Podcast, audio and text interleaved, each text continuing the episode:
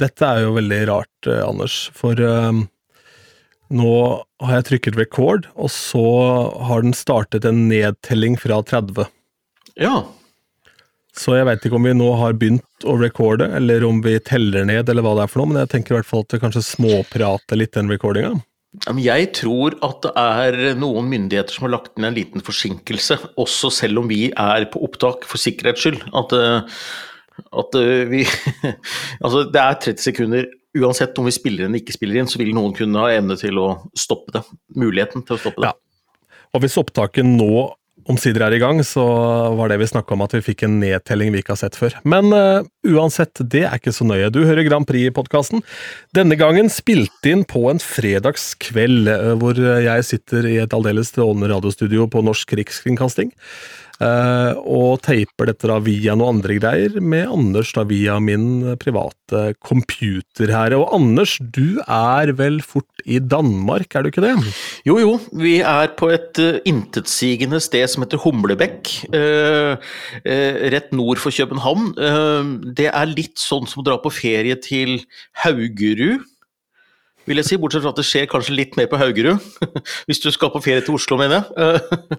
Fordi dette er en forstad til København. Og det er altså en feilbestilling fra helvete vi har gjort her på Humlebekk. Det, det, det må jeg bare innse, altså. Eh, men eh, jeg har lært meg nå å sykle med sånn elsykkel eh, for å komme meg vekk herfra, til stedet rundt her. Ja. Det funker. Jeg har egentlig bare ett spørsmål i den forbindelse. Hvordan går det med datteren din? For det er vel egentlig den personen som uh, trenger å trives på den ferien? Absolutt, og hun sitter framme i den kørja. Uh, for jeg har lært meg å sykle sånn Christiania-bike, som det heter. Sånn der Christiania, sånn MDG-sykkel du kan kalle det. Sånn elsykkel med kørj foran. Og det var jo det showet her da jeg kom hit, fordi at jeg aldri sykla det før. Og han som vi leide huset av her, Jakob Bue, som er en grafisk designer og kunstner fra Danmark, uh, det skjønner du når du bor her for å si det sånn. Veldig koselig. Han skulle lære meg å sykle denne elsykkelen på forhånd, og han sier 'det er meget tricky'. Den er meget tricky, sier han da. Uh, så ute i gata her så trengte ikke noen å se på TV eller spille spill eller finne på noe annen underholdning, fordi nå hadde gjestene til Jakob kommet på Airbnb, og nå var det tid for opplæring av elsykkel. Og det var veldig kort strekning å lære seg dette her på, og biler sto overalt. og jeg eh, skulle prøve å sykle dette her faenskapet, og det er en sånn liten gasspedal på venstre, eh, og da går det ganske fort. Ganske tunge greier. Eh, så jeg krasja da på første forsøk inn i en sånn stolpe. På sånn hvor det er sånn, sånn veisperre eller sånn, der, du, sånn fartsdemper da, for normale mennesker. Så um, det var første forsøk. Men uh, Marie syns det er veldig gøy å sitte oppi der, men hun er, hun er, redd for at det skal krasje igjen. da, fordi at hun sitter jo der. Uh, I dag du skulle sykle, så begynte hun å lese bok. Ja, nå har du blitt trygg. Det er litt sånn som da jeg øvelseskjørte med Kjell, altså min far, hvor uh, den første gangen så var det hånda på rattet og liksom følge med litt. Gang nummer to så var det litt sånn stødig informasjon om hvordan eh, veien fungerte, og hvordan du leste trafikkbildet. Gang nummer tre så leste han avisen. Ja, ja, ja. ja. Men eh, eh, jeg må bare dele min andre opplevelse i historien på slalåmski. For jeg sto på slalåmski en gang i Kongsberg skisenter sammen med onkel Jostein. og vi tryna, og han var jo litt større enn meg, for jeg var vel da på det tidspunktet her kanskje seks år, og han tryna oppå meg. Eh, og det var jo ikke noe særlig hyggelig, for han holdt jo meg på en måte nedover den bakken. Og så tenkte vel jeg av en eller annen veldig merkelig grunn at eh, med alle disse årene hvor jeg ikke har stått på slalåmski, så har jeg sikkert blitt bedre, for gang nummer to var på toppen av Matterhorn. Ah. Eh, altså fjellet som er på sjokoladen Toblerone, hvor det også er filmet scener fra en James Bond-film ja. hvor han står på slalåm. Så du debuterte nærmest der, du? Ja, det var ikke snakk om å begynne i barnebakken heller. Vi var helt på toppen, ja. Mm. Um, og tynn luft, ja. Ja, tynn luft, ja. Bra. Men der står det en asiater, sånn veldig veltrent asiater, og flekser liksom foran Alpene i Barings. Altså, det driver folk og tar bilde av han. Dette var da i mars, eh, og så går det noen minutter, og så slutter du å ta bilder av han, så begynner du å ta bilder av han tjukkasen som da prøver å stå på ski. For jeg tryner på hver 17. meter. Nei. Eh, jo, jo, jo. Og greia er jo det at du har litt å bære på og har null mm. teknikk ikke sant? og null peiling, så blir det tyngre og tyngre å komme seg opp også, for det er jo Ja. så voldsomt uh, tynn luft. Ja. Så da er det en familiefar som da på en måte tar runden rundt. Da er jeg kommet kanskje, kanskje 60 meter ned bakken. Da Da har han vært liksom hele skieisen opp igjen, hele fjellet ned. ikke sant? Uh, og da spør han om det går bra, så sier jeg nei, hva tror du egentlig? Uh, og så ender det da opp med at jeg må fake en sånn strekk i låret og bli henta med en snøscooter. da, der oppe. Lurt. Lurt. Ja. Og da var jeg altså så kald, og jeg følte meg liksom så uh, kummel, Det var så kummerlige forhold, følte jeg. da. Og så kommer han snøscooterfyren og kjører i full spiker uten hansker, så han var jo Rambo oppi der. Men eh, ja, det er litt sånn som du lager show på den sykkelen. Ja, Men han der, Ja. han der irriterende heter du her, så jeg vil anta at uh, du lager show. Ja, nei, jeg, eh, jeg er i Danmark, for å si det sånn. Eh, Jeg gjør jo vanligvis greiene mine i Norge, eh, men nå gjør jeg det med Danmark. Det er jo lengste forskjellen.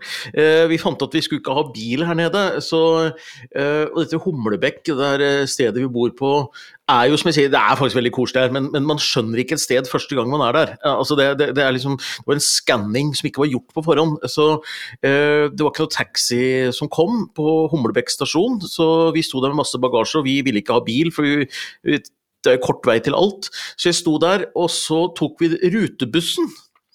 Eh, det var bare det at vi hadde jo masse bagasje. Helt vanlig sånn ruterbuss som går i Oslo, ikke sant? hvor det egentlig ikke er noen sånn bagasjehyller eller eh, noe rom for bagasje. Men der kom jo vi med sparkesykkel, hjelmer, to kofferter, bag og ryggsekk og alt sånt.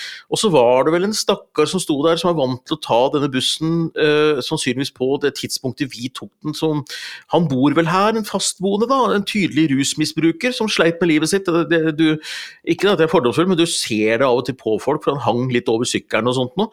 Eh, så gikk vi om bord, og han sto og venta på sykkelen. Eh, så eh, bussjåføren vinka oss om bord med all vår bagasje, og der sto det et skilt hvor det står kun to uh, gjenstander. Altså enten én rullestol og én koffert, eller én barnevogn og én Så dermed så ble det ikke plass til hans sykkel. Så han ble stående igjen. Det går buss en gang i timen, så han måtte bare stå en time til. hadde han sikkert tid til. Men, men han, han, han sto og banna Først vår velkomst til Danmark var at han sto og banna inn i døra og viste oss fingeren, fordi vi hadde tatt liksom plassen hans. da. Eh, og eh, bussjåføren syntes at dette bare var eh, på sin plass, at vi fikk den plassen, så kjørte oss dit vi bor, ut i dette rekkehusområdet, der vi er på ferie nå, da. I et gutterom hvor jeg sitter her nå. Jeg sitter på gutterommet til gutten som bor her, med et svært Lego Lego Det er noe Star Wars-greier, dette her. ja, Det er det største jeg noensinne har sett. Ja. Og det å stupe inn i andres liv sånn som du gjør på Airbnb, det er ganske absurd, egentlig. Eh, og det er litt koselig, og det er litt sånn bisarr, egentlig. Fordi mitt liv, som er sånn som vi kjenner gjennom podkasten her, skal også være kompatibelt med dette her livet til en grafisk designer i København og, og hans kunstnervenninne og deres barn. Og det er to forskjellige liv, for å si det sånn. Det er lov å si, men jeg tenker jo da hans liv er jo Hva kalte du han påsen igjen? Jakob Bue, tror jeg han heter. Mm. Ja, Jakob Bue. Hans liv er jo forandra for alltid, for han kommer jo hver gang han møter noen lokale pokaler, til å høre om den gangen han leide ut Airbnb til Tangen og co. Ja, selvfølgelig. Sykkelen Ja, nei, den elsykkelen. Nei, det er morsomt. Jeg føler meg som sånn eh, Vi skal ikke dra inn politikk her nødvendigvis, men det er jo sånn MDG-sykkel, dette her. Eh, ja. Og jeg sykla opp Der, den vi, der tar du brutalt feil, for vi er i Danmark, vet du, så den, Ja. den uh, MDG-sykkelen handler bare om å ha plass til en kasse øl. Det er jo så enkelt. Ja, ja, det er det. Men, men vi sykla opp den nærmeste kafé, og det var kafé nummer to som vi hadde med jentungen, hvor det ikke var kjøtt på menyen. Vi var på et uh, kunstmuseum i går, der var det ikke kjøtt. Uh, og i dag var det heller ikke kjøtt. eh, så det, det, det er sånn vegetarmenyer overalt eh, rundt her. Eh, og, jeg kjenner at jeg heier jo på det, eh, selvfølgelig. Eh, jeg skjønner at det er, det er jo hetebølge, og jeg tar alle som klimavalg og sånn, og følger Jeg prøver å gjøre så godt jeg kan, liksom. Men, men, men, men av og til så vil jeg bare ha Jeg vil ha en burger og et kyllinglår. liksom en rød pølse. Eh, Det er ikke så lett å få tak i her, faktisk. Det er pussig.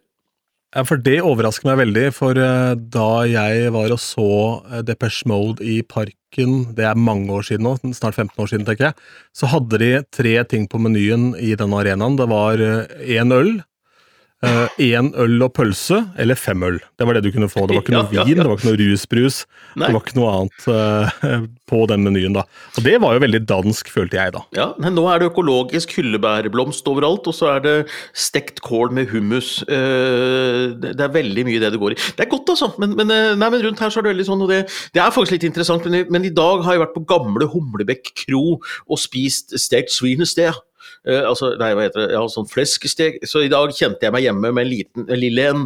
Første akevitten jeg fikk her nede. Så det var, uh, det var på sin plass, altså. Gamle Humlebekk kro, fantastisk sted fra 1780. Frimurerens uh, møtested her på Humlebekk. Utrolig kult sted. Veldig bra. Få deg en hakkebøff, tenker jeg. Det er jo det som ja. er det store der.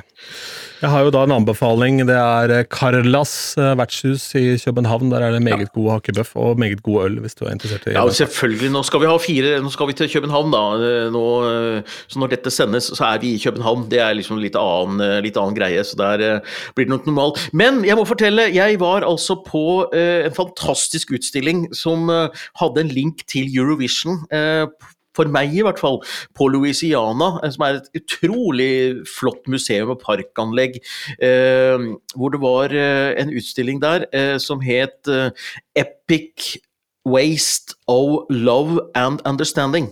Altså en voldsom bortkastet kjærlighet og forståelse.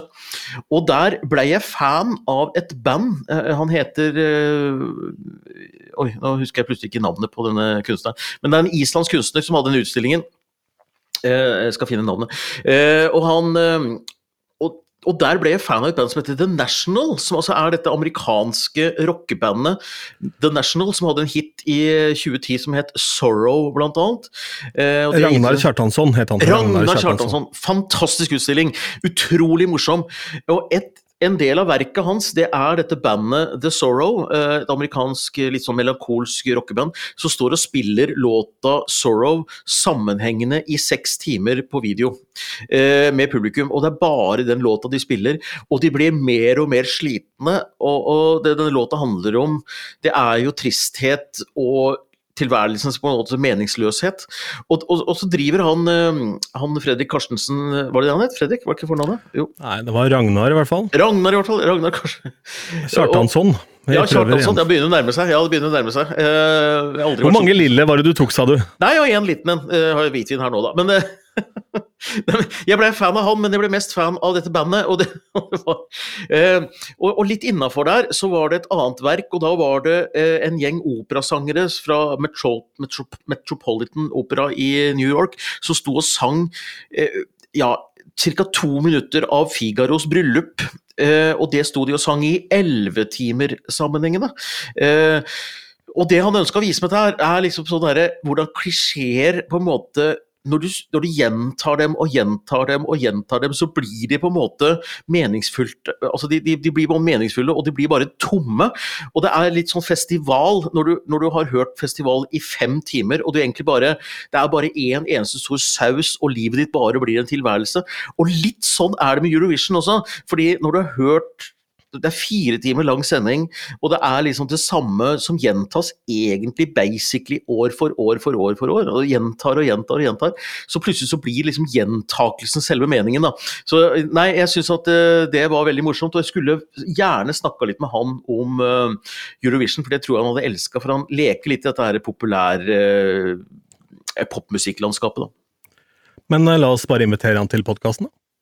Ja, det kan vi gjerne gjøre, hvis han, eh, hvis han, har anledning. Det hadde vært veldig kult. Han, eh, han, er jo på Spotify med et par låter også, faktisk. Han er jo musiker sjøl også, så det hadde vært veldig gøy. Han er jo islending. Ja, vi gjør det. Jeg tar, jeg tar en uh, spansken og sender en mail fra NRK-mailen, jeg tenker. Så. Gjør det, men det det ender opp med da, vet du hva det ender opp med? Det er at du og jeg blir det neste kunstprosjektet hvor vi må se hva skjer hvis vi må sitte og snakke i 24 timer. Men Det skal vi greie.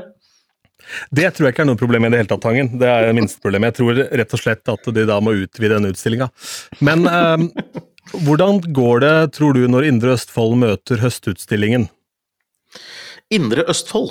Uh, høstutstillingen? Nei, det tror jeg går helt fint. Uh, ja, det, alt uh, strides til lærdom sånn sett. Da. Jeg har to historier om Høstutstillingen og snakka om kunst her. Det ene var jeg var den aller første jenta jeg blei sånn dødsforelska i, hun het Nina.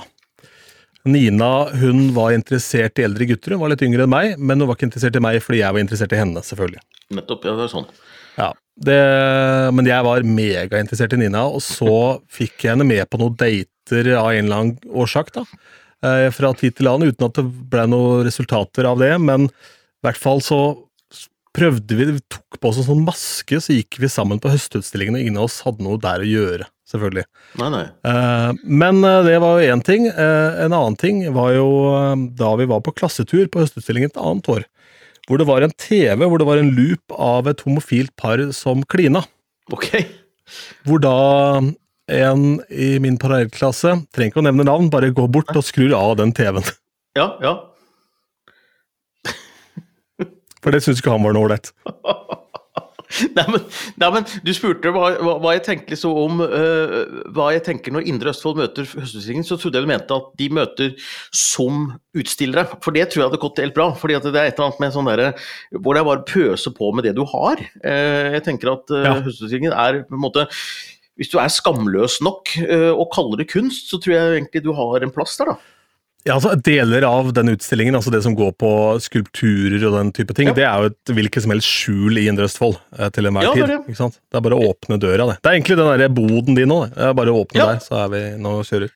Men eh, la oss uh, prate litt om Eurovision-nyhetene, med tanke på at vi er et kvarter inn i samtalen her.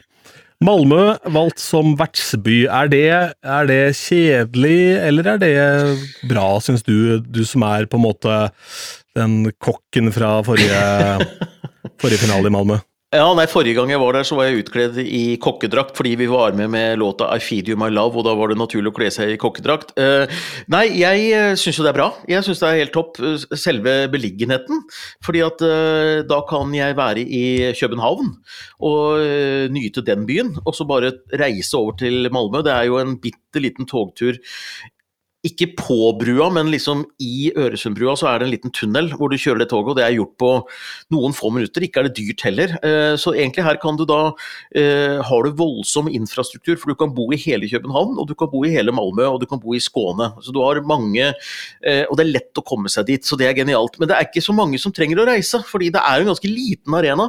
Den er i hvert fall ikke større enn den du hadde i Liverpool. Det er sånn 12 000 mennesker, kanskje. Eh, Så det kommer til å bli akkurat det samme som i Liverpool, med dyre billetter, få fanbilletter, og en del fans som kommer til å sutre litt over akkurat det. Og det skjønner jeg for så vidt, for det hadde vært hyggelig om de hadde fått det til i Friends Arena eller stor arena, for å få plass til flest mulig fans.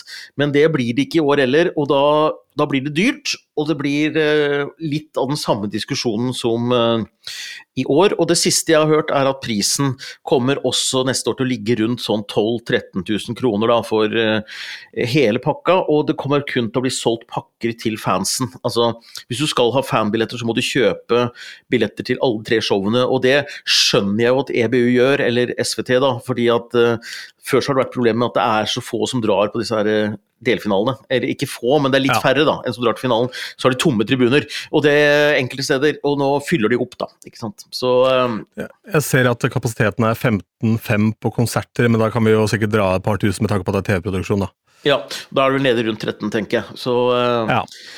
Men, Men jeg det syns det var en flott TV-produksjon. Jeg synes det var en veldig fin TV-produksjon i Malmö, og det morsomme er jo at de har jo planer om å kutte ned på sendingen som vi snakka om på to episoder siden her. Og det var jo der første gang den der flagg... Altså paraden var, hvor landet kom inn med hvert sitt flagg over ei bru inne i eh, arenaen der. Eh, Så det kan også være at det er i Malmö den eh, flaggparaden dør, hvis de nå skal kutte ned på sendinga. Så min plan, det er som jeg gjorde forrige gang.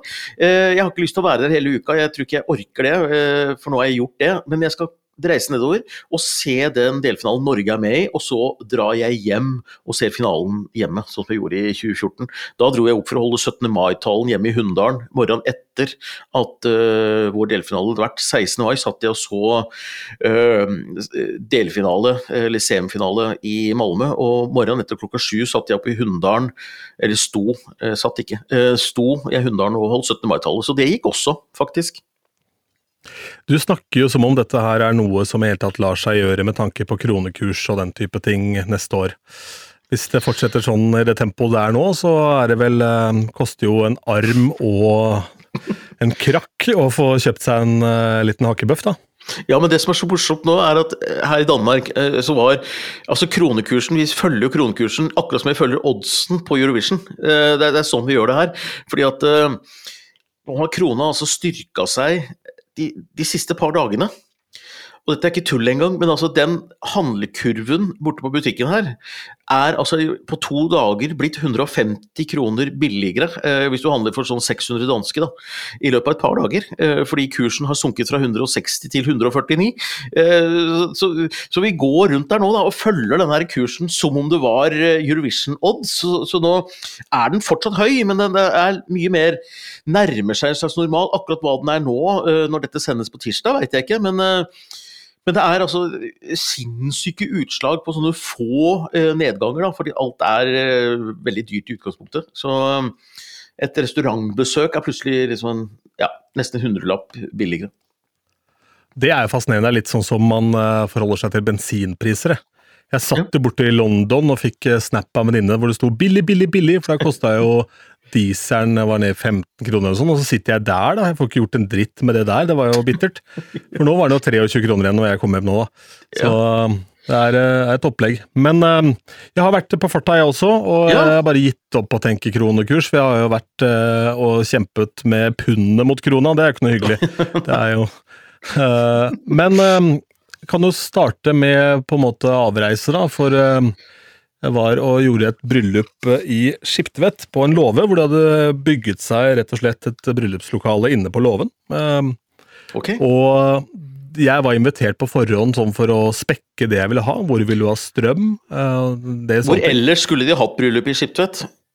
Nei, Det er jo et sted som heter Vonheim, altså samfunnshus okay. der, da. Men, ja. men uh, i hvert fall så var dette her da et, uh, et par som bodde på gård. Uh, og der blei det jo som det skal bli i bryllup i Skiptvet. Tre-fire karer som da henger oppunder mønene i barings da, utover natta.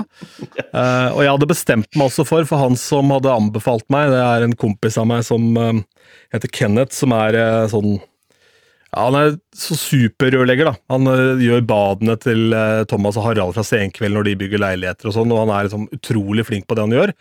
En veldig, veldig veldig god pappa og en sånn megamotivator innenfor crossfit og alt mulig. Og under pandemien så begynte jeg å lage DJ-mikser, og da han kjørte til jobb om morgenen, så hørte han på de. Eh, og på en måte heia veldig på meg. Altså han har vært veldig sånn motiverende for meg i den perioden. Og så gjorde jeg en spillejobb på noe som heter Frøland Games, hvor han da har en sånn crossfit-samling. Jeg skulle spille et par timer, og det varte i sju og en halv time. Så tenkte jeg jeg kan ikke pakke sammen lydanlegget, så jeg sto DJ sju og en halv time. For å så spise et pølse og kjøre som et helvete for å da rekke neste spillejobb på natta.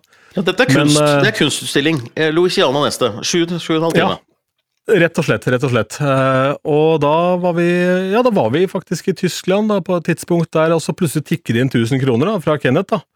For da hadde han sett på Snap at jeg var i Tyskland, så sto det 'bruk absolutt alt på pølser og øl'. Ja, så gjorde jeg det, da. Han er en veldig, veldig fin fyr, og jeg er vel særlig inspirert av hvordan han eh, han er veldig sånn brå og tøff i trynet, men samtidig veldig sånn veldig, veldig god som pappa. Eh, og også veldig god med lærlinger. Så de som er lærlingene hans, blir jo rockestjernerørleggere. ikke sant? Dritflinke. Det er jo de koseligste folka ofte. Eh, ja. Helt klart, Og så har han jo skjønt det at en bil med varselblink og sånn kan jo parkere hvor den vil. Så hvis han er på date med en dame, så er det alltid en vannlekkasje på Aker Brygge eller et eller annet. Så det er jo alltid sånn. Brygga i Fredrikstad og litt sånn forskjellig. Så hadde han fått en bot her da, for første gang på mange år, så nå har han da satt på hele sida at da står rørlegger også i tillegg, for han hadde bare VVS. Og så kan det hende at eh, han ikke forstår det, han godeste parkeringsvakta. Men i hvert fall, da. Så dette her er en fyr med mye intensitet og energi, så jeg bestemte meg for at her skal ikke jeg gi meg før de er ferdig. Så jeg sa på mikrofonen at jeg har én plan, og det er å bli kjørt til flyplassen klokka halv fem av min bror. Utover det så kan vi egentlig bare kjøre på, og da jubla de, og så endte det da opp med at jeg var hjemme på sofaen hos fatter og fikk ett kvarter på øyet før uh, da ble kjørt til Gardermoen av broderen. Ja. um, og da var det logistikk der også, for jeg hadde en spillejobb i dag. For bilen min står igjen da i Indre Østfold, så jeg hadde en spillejobb i dag, så jeg måtte ha med de tingene jeg trengte og få det til Leirstuen, for jeg landa i går kveld, mye greier der. Det ordna seg etter hvert, uh, mot alle odds, for jeg har da bestilt tilsendt uh, en pakke med Post Nord. Oi, ja, det, ja vel. Ja, eh, for her har jeg da bestilt fra en tysk leverandør som heter Toman. Det er noe lydutstyr og noe greier, dette her. Og da kommer denne pakka jeg har bestilt, som to Collie. Ja. Så får jeg da en eh, melding fra dette firmaet, da, som sier at eh, pakka di er forventet levert til 29. juni. Jeg hadde bevisst da bestilt etter god tid før jeg skulle til England. Og så eh, får jeg beskjed om at det blir utsatt til 30. juni, og da tenkte jeg det var jo å forvente, fordi 29. var veldig tidlig. Og så blir det 1. juli, og så drar det seg over helga der. Eh, Og da begynner jeg liksom å lure på hva som foregår da. Så da går jeg inn på nettsidene til dette firmaet for å finne ut hva som skjer, for det aller kjipeste og mest provoserende er at den pakka ligger jo på Berger. Det er Ja, ja. elleve minutter unna der jeg bor. Ja ja, det ligger der. Ja. Og så øh, sender jeg da Eller jeg prøver å få kontakt med sånn chatbot, men der er jo en sånn mekanisme at hvis ikke den er aktiv innen øh, åtte minutter, så blir du kasta ut. Og tror du de folka klarer å svare på den chatboten innen åtte minutter? Så jeg ender opp med å poste en hel haug med emojis da, med sånne cowboyhatter og noen klovnetryner. For å holde denne dritten varm. ja, ja, ja. Men, mens jeg prøver å gjøre jobben min i NRK samtidig. Og dette holder jeg på med i flere dager. ikke sant? Eh, Og så får jeg kontakt med den chatten, og så snakker jeg med et eller annet menneske, og så eh, får jeg da beskjed om at jeg kan bestille levering i appen. Ok, greit, det var nytt for meg. Går inn og gjør det, og da har det stått i meldinga at levering vil skje mellom åtte og ti på kvelden. Mens i appen så kan jeg bare bestille mellom fem og ti på kvelden. Oh, så oh. gjør, gjør jeg det. Får fremdeles ikke noe levering. Den kommer da Nei, da har jeg jobba natta eh, og holdt på med noe greier for å komme i mål med noe ting og tang i og med at jeg skulle ut og reise. Så da går jeg og legger meg litt midt på dagen, for jeg har liksom sånn mellom ting og tang. Ja, men Søvnrytmen din, den er jo øh, Nei, den er helt ute å kjøre. Det er kunstverk. Ja. Og så eh, våkner jeg opp, da, og da har jeg fått eh, melding om at pakka kommer til å bli levert for tre timer siden. Da er klokka sånn to eller tre eller et eller annet. ikke sant? Ja. Da jeg fått beskjed om at pakka kommer til å bli levert innen 15-20 minutter. Og ja, pakka den står bare utafor. Det er ingen som har ringt. Ingenting. Og jeg har bestilt, ja, og jeg har bestilt levering mellom fem og ti. Og så er jo dette ett av to Collie. Så da lurer jeg på hva som skjer, for jeg har jo da bestilt ting som hører sammen. Jeg har fått halvparten av et sånt stativ og noe drit og lort. ikke sant? Eh, Og så går jeg inn på den chatten igjen da, og holder på og styrer der. Da da viser det seg det at de har jo da muligens klart å skade emballasjen på en av disse pakkene. da. Så den må jo da tilbake der og sjekkes og inspiseres og ting og tang. Og dette drøyer og rekker, og de klarer jo faen ikke å få levert en pakka før jeg skal ut og fly, ikke sant? Eh, og så får jeg da en eh, telefon når vi sitter og spiser lunsj, som jeg da ikke tar, og så får jeg en MMS av at pakka står utafor hjemme. Collie 2. var på ja, Collie 2, dette var på tirsdag. Den var heldigvis satt litt innunder en sånn der eh, sånn eh, ja, overbygg der, da, så jeg slapp at den regna i filler. da. Så da tenker jeg og håper ingen ser den og tar den, da, for det var jo verdier til en 5000-6000 kroner. da. Eh, og den sto der når jeg kom hjem, da. Så um, jeg skal nå sende en ganske omfattende mail til dette firmaet jeg har bestilt fra, Ja. og høre om det er mulig å få bytta, i hvert fall at de kan oppdatere leveringstida til 14 dager, tre uker eller noe sånt. da. Ja. Som er reelt, istedenfor å ha fire-fem dager. Ja, nei, jeg støtter deg veldig i det. Vi har en sånn veldig rar butikk som det er hentepunkt på. Hvor det ikke er mulig å parkere like ved. Må drive og gå gjennom et borettslag for å komme ned til den lille, rare butikken for å hente det ut og sånn. Så det er et veldig rart firma. Jeg har, eh, jeg har fått varen tilsendt som jeg skulle ha til bryllupet. Jeg hadde bestilt pyro. eh, Sånn pyro som du skyter ut av hånda. Eh, altså du, du, du holder rundt en sånn liten greie, og så trykker du på en knapp, og så skyter du pyro ut av hånda. Veldig kul greie. Eh, Dette er, dette er ikke noe du skal leke med, Tangen. Det, jo, jeg, jeg har bestilt det. Men jeg fikk også bare del én, for jeg fikk bare stativet. Men jeg mangler det som skal brenne. For det er noe som heter sånn fire cotton. Altså det er, det er brennbart bomull som bare forsvinner i lufta. Eh, og så kan du da trylle fram et marsvin eller en kanin inni dette brennende da, ikke sant. Eh, det er det som er trikset da. Jeg skal ikke trylle fram noen ting, jeg. Men eh, jeg har nå bestilt en brennende bibel. Og så har jeg bestilt eh, pyro ut av hånda. Eh, I tilfelle jeg har lyst til å er- lage litt godstemning. Men det var én ting der som jeg hørte feil. En brennende bibel, hvor kommer den inn i bildet? Bare Det er, det er et triks. Vi brenner å- vel ikke hellige skrifter, gjør vi det? Nei, men Det er et triks for å lage god stemning, hvor du, hvor, du, hvor du, står der med Bibelen som bare tar fyr, og så slukker du den, og så er flammene borte. Det er jo det er trylletriks, det er ikke noe Nei, det sa han som brant den koreanen nå. Var trylletriks. Det var Du så hvordan det gikk. Nei da. Nei da. Det, er, eh, det, det, heter, det, heter, Flaming Bible, men i utgangspunktet ser det ut som en vanlig bok. Og det er faktisk en ganske kul effekt, for når du står med denne her og har et slags manus, eller eh, du skal bare fortelle hva som kan skje i løpet av kvelden, og, sånt, og så plutselig tar hele driten fyr, og så lukker du den bare, så er flammene borte. Det er en ganske kult triks. Så eh, det har jeg bestilt. Jeg var, jeg var i Horten og spilte, og da bodde på hotellet nede ved ferjekaia der. Uh, og så kom uh, kjæresten min på den tida fra Oslo, og så uh, Jeg veit ikke hvorfor, jeg, men altså, dagen etter at vi da våkna opp, så bestemte jeg meg for at jeg skulle lese noen bibelvers for henne, da, bare sånn ja, for gøy. Um, og så blar jeg opp i Bibelen, så faller det ut en pose med kokain, da, eller noe hvitt pulver. så bare glemte igjen det i Bibelen, da. ja, det er, det er fantastisk. jeg har fått igjen penger for reisa mi til Liverpool. Ja. Eh, der har jeg krangla litt, vet du, fordi at eh, den flybilletten min var jo null verdt.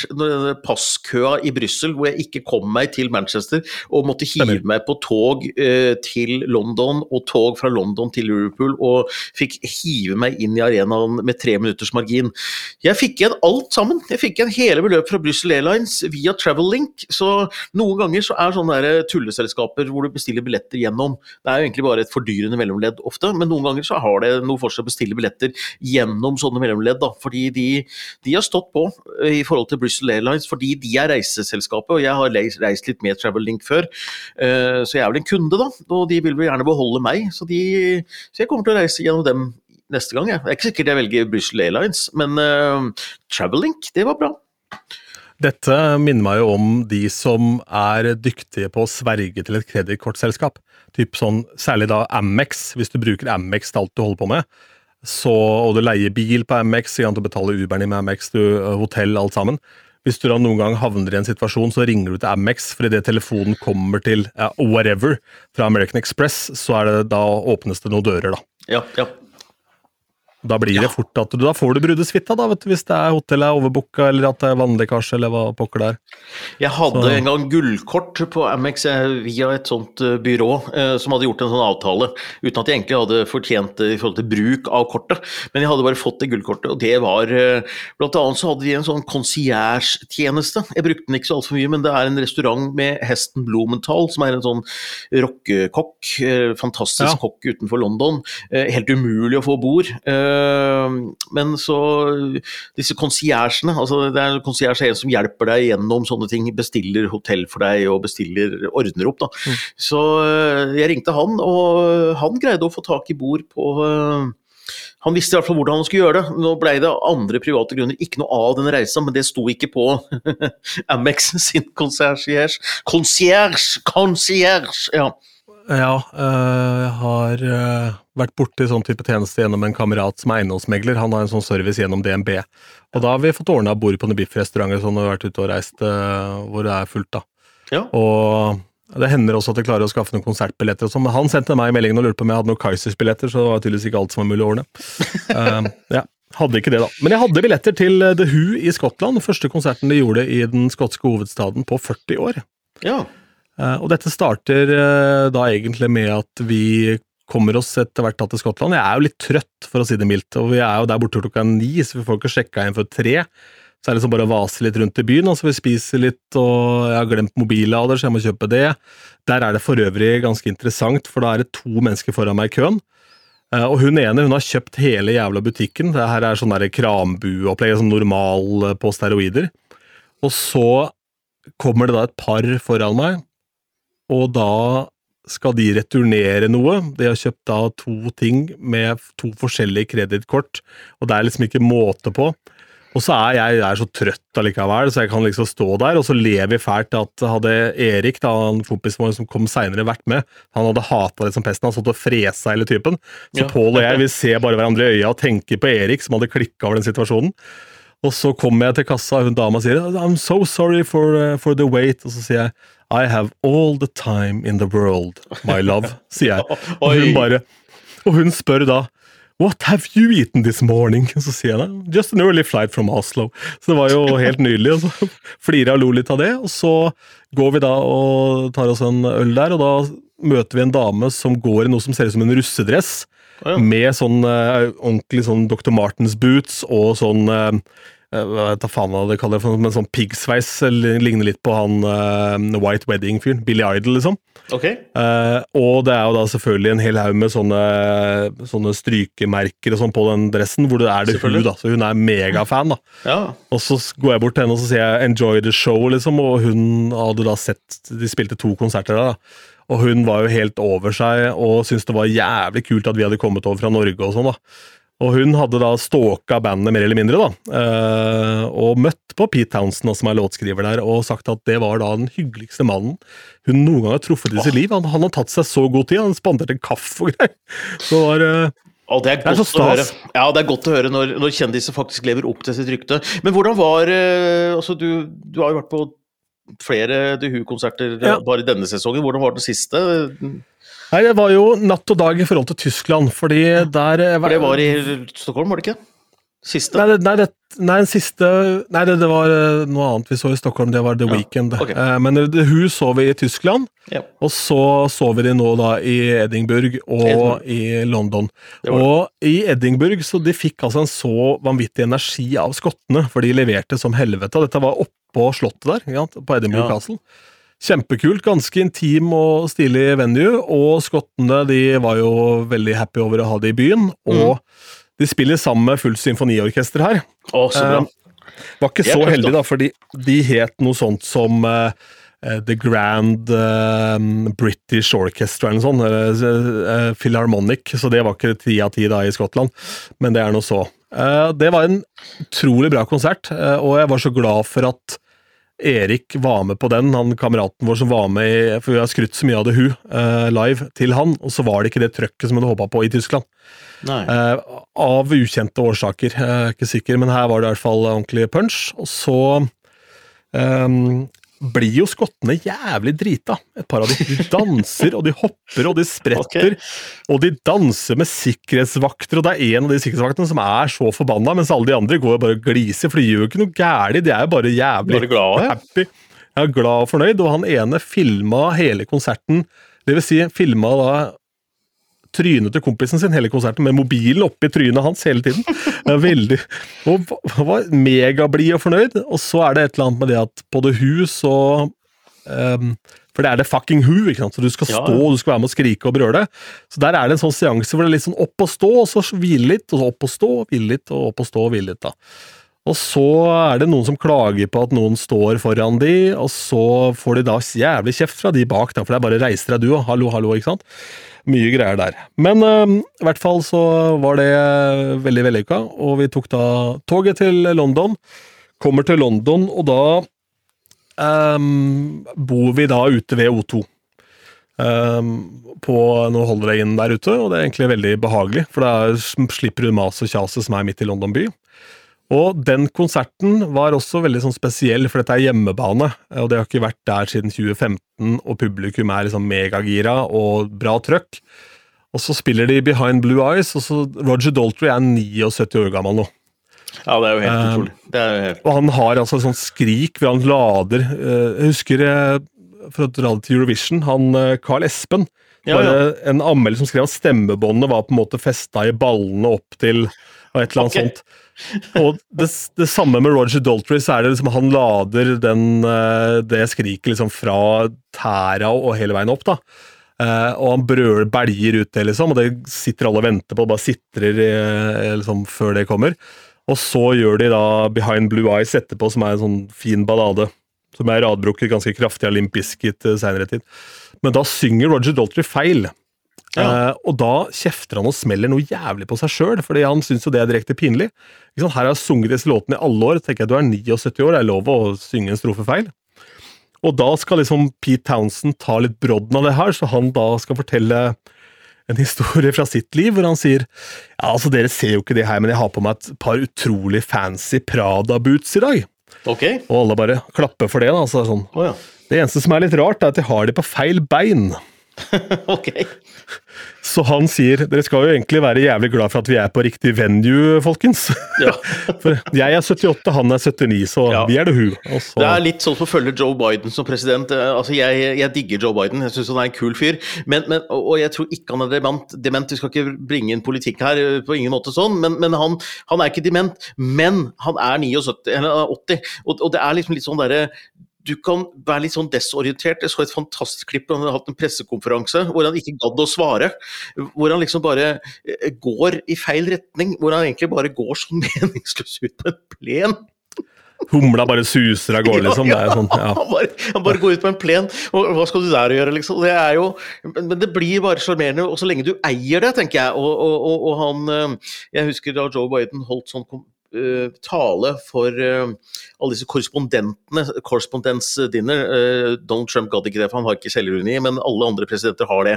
Så du står og holder en sånn presidenttale hvor han tulla med sin egen sånn At han var litt surrete. Han har alltid vært det hele livet. Han, han stammer, han surrer. Han, han er litt meg, da. Eh, han, hvis han hadde kjørt elsykkel, eh, 20 år gammel, så hadde han også krasja. Det er jeg helt sikker på. Eh, han tuller med det. Eh, så, det er, eh, så hvis du gjør det, sånn som bandet der gjorde, eh, så tenker jeg at det er eh, det er så lov, da. Når du er 79, da har du lov.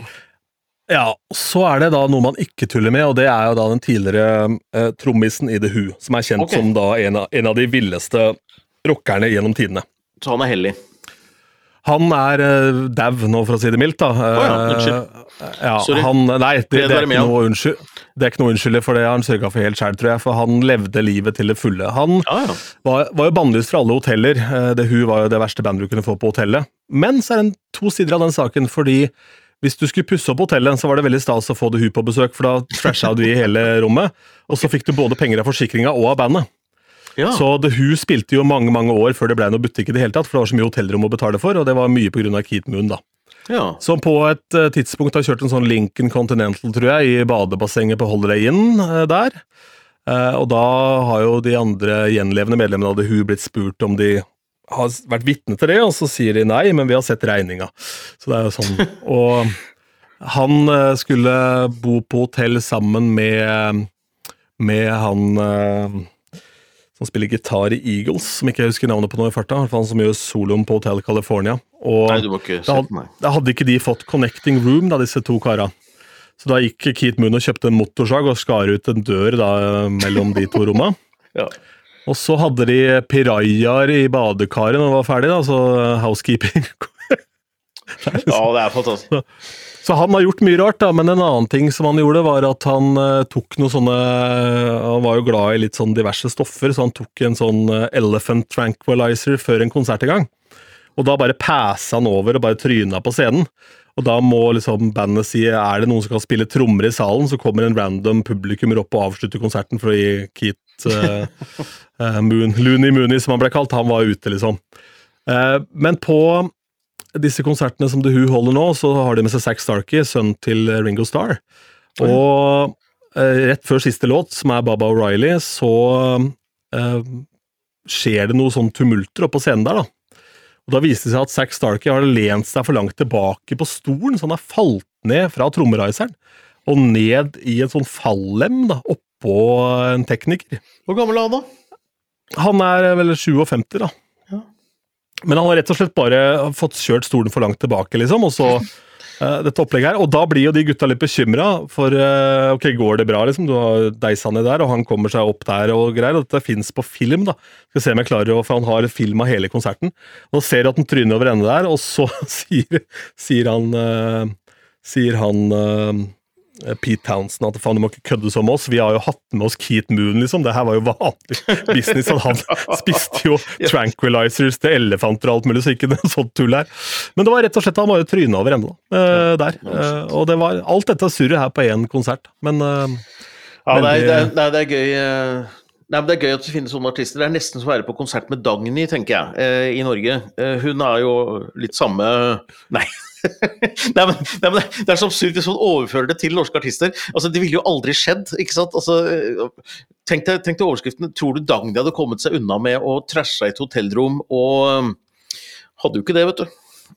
Uh, jeg bare kom på Dagny, for dette, jeg, det er den billetten jeg har fått tak i nå. Uh, skal på Dagny-konsert i Spektrum. Uh, det gleder jeg meg Åh, det er bare å glede seg. Og du må tidlig ute, for Sunde Vo som gjør support, er helt fantastisk. Ja, det gleder jeg meg til. Ja, jeg, ja, jeg er Det var Jeg så Fikk i oppgave å klippe ut sånn uh, opplegg om Synne Vo, hvor det var noen som hadde fulgt henne en dag i hennes artistkarriere for NRK. Og da skulle hun spille på Bylarm, da. Gleda seg veldig til det. Så er det da en, en eller annen person fra P3 som følger henne. Og da blir på en måte hele den seansen omhandlende en camel toe som hadde dukka opp i en bukse på VG-lista i Bergen. Ja vel. Um, så jeg måtte jo da litt sånn fiffig klippe meg rundt all det maset om Cameltoe, for vi driver jo med musikk her i dette programmet det. som jeg jobber for. For det om og så tenker jeg kanskje det er greit å la være å nevne det, for ellers så vil jo alle bare gå og se på det VG-listeshowet for å kikke på den, da. Um, men um, det er nå så. Eh, Joe Walsh het han gitaristen Eagles, for øvrig. eh, Ja, men det er bra.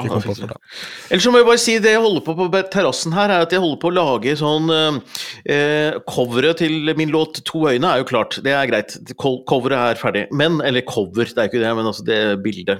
Artwork. Ja, omslag på, Ja, ja. omslag, ja, ikke sant? Men så er dette, bildet, dette som skal vises som et videokutt uh, mens låta spilles på Spotify. Uh, den derre Ja. ja, ikke sant. Uh, så det jeg holdt på med nå, for han er jo grafisk designer, han som bor her, så han har en sånn magisk skjerm eh, ute på Eller grafisk eh, Veldig rar greie ute på vinterhagen sin her. Eh, hvor du sitter med en pensel, og så maler du, og så forsvinner det i løpet av ja, noen få minutter. Du kan bare male med vann, og så forsvinner det. Så der holder jeg på med å lage denne her grafiske greia som skal være på uh, to øyne. Det er faktisk ganske gøy. Det er kj- Kjapt spørsmål, bare. Du har ikke Ja. lagt tunga inn på den for å se om det på en måte Nei, men det kan jeg gjøre nå. Nei. Det kan jeg gjøre nå med en gang. Da har vi litt å surre med der. Det er Ja. greit. Eh, og så kan du finne ut av hvor langt du er unna Oksbøl. OKSBØL. Okay. Eh, da har du noe å sjekke til neste gang, fordi der er det da nemlig et tanksmuseum. Som Ja. vi røyk på da vi var i Danmark eh, da jeg var barn. Eh, så der er det en kjempestor eh, Midt ute på et jorde der så er det en kjempestor eh, samling av diverse tanks. da. Så Ja vel. Ja, nei, men Sånn- eh, det jeg tar med datteren min på sju år som elsker ballett og eh, kunst til å se på et lite tanksmuseum. Mil- Ja, det blir bra, det. sånn militærparade er forenlig med det. vet du. Det ordner seg, det der. Det Ja, er- vi skal på neste sommerferie skal vi til Moskva. Ja. Lykke til. Den er god. Da tror jeg vi sier at dette røret her er over, for nå må jeg rekke en spillejobb, og du må lage cover. Det må jeg. Siste male. ord blir jo da at uh, vår faste lytter, Mette, som uh, jeg prata med på telefon rett før vi gikk på her, hun eh, gleder seg veldig til å høre låta di. Uh, Ja, og den stemme. 11., var det det? 11. blir det release, release da. Det er jo, eller natt til 11. blir det da, så det blir jo Ja. Når blir det sånn at man kan pre-save låta i Ja. Spotify? Det er, driver jo Ja. masse folk med. Ja ja, det blir det. En uke før. Dæven, det er bare å glede seg. Fy faen, Yep. her skjer det ting. Vakkert, vakkert. Vi skal lage musikkvideo, ikke tenk på det. Det blir noe Det blir noe jævla surr. Du har hørt Grand Prix-podkasten. Hvis du har eh, noe å bidra med som gjør at det kan bli mindre surr, så send eh, det til oss på hei at grandprixpod.no.